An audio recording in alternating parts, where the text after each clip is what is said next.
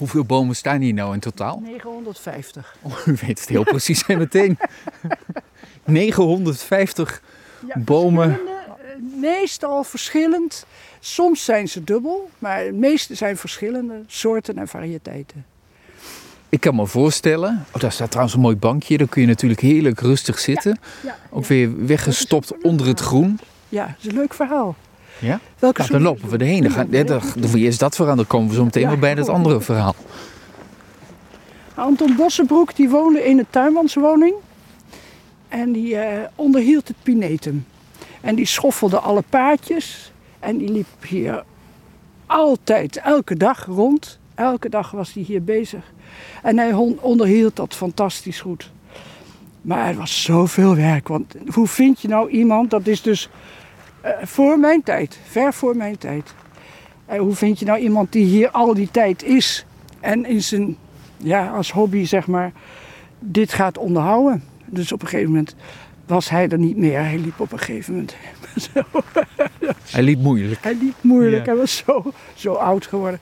En hij schoffelde maar en schoffelde maar. En op een gegeven moment zei hij, we moeten die paden gewoon laten begroeien met gras. Eh, maaien en dan is het in één uur. Maaien is het gebeurd en is het klaar. En dat is gebeurd. En, eh, maar Anton heeft dus een bankje gekregen. Dus het bankje, nou Het ja, bankje staat onder een prachtige parasol. letterlijk tot aan de grond Tot aan de grond. groeien de naalden van de boom inmiddels. Als je aan, aan deze kant. is hier een jaar of 10, 14, 12, 12 geleden is hier een combinatie geweest van, van sneeuw en ijzel. Ja.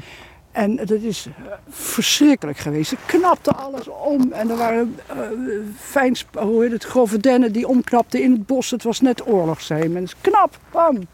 En hier gebeurde ook iets vreselijks.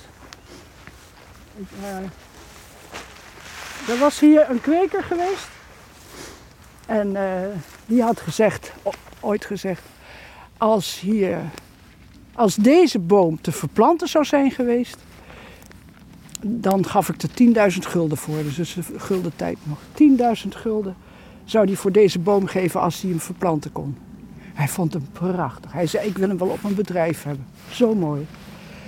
En toen werd ik gebeld, op, na, die, na die ijzel en zo, werd ik gebeld op zondagmorgen om 10 uur. Rijnvis belde op en die zei, Etty, de, eh, de parasol is kapot.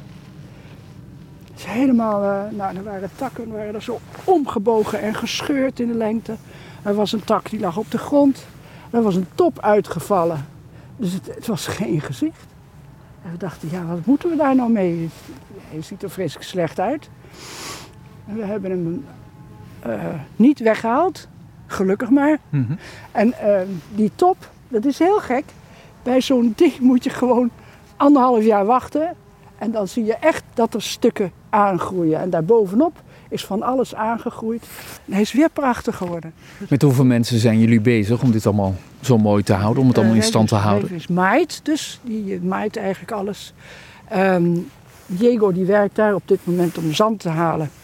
Ehm, die is eh 24 of zo. Werkt keihard. En ik.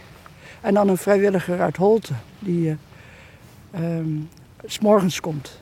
En we hebben wel eens iemand uit Zutphen die ook een paar uur komt. En dat is alles. Dus het is een sappelen. En het is dus openbaar. Iedereen mag gewoon naar binnen tussen zonsopgang en zonsondergang. En dat maakt het ook zo bijzonder, hè? Ja. ja, iedereen kan gewoon rondkijken en genieten van, eh, van wat ze hier zien. Ja, En als je dan denkt, het is een klein tuintje. Nee, dat is het absoluut niet. Anderhalf hectare groot. Ja, maar je kunt hier dwalen. eh, je ziet iedere keer weer wat anders. Ja, je kunt misschien zelfs verdwalen. Je kun- ja, dan moet je even naar het hek lopen en dan gewoon het hek volgen en dan tot de uitgang. Dan kom je toch weer terug. Kom je tot de Ja.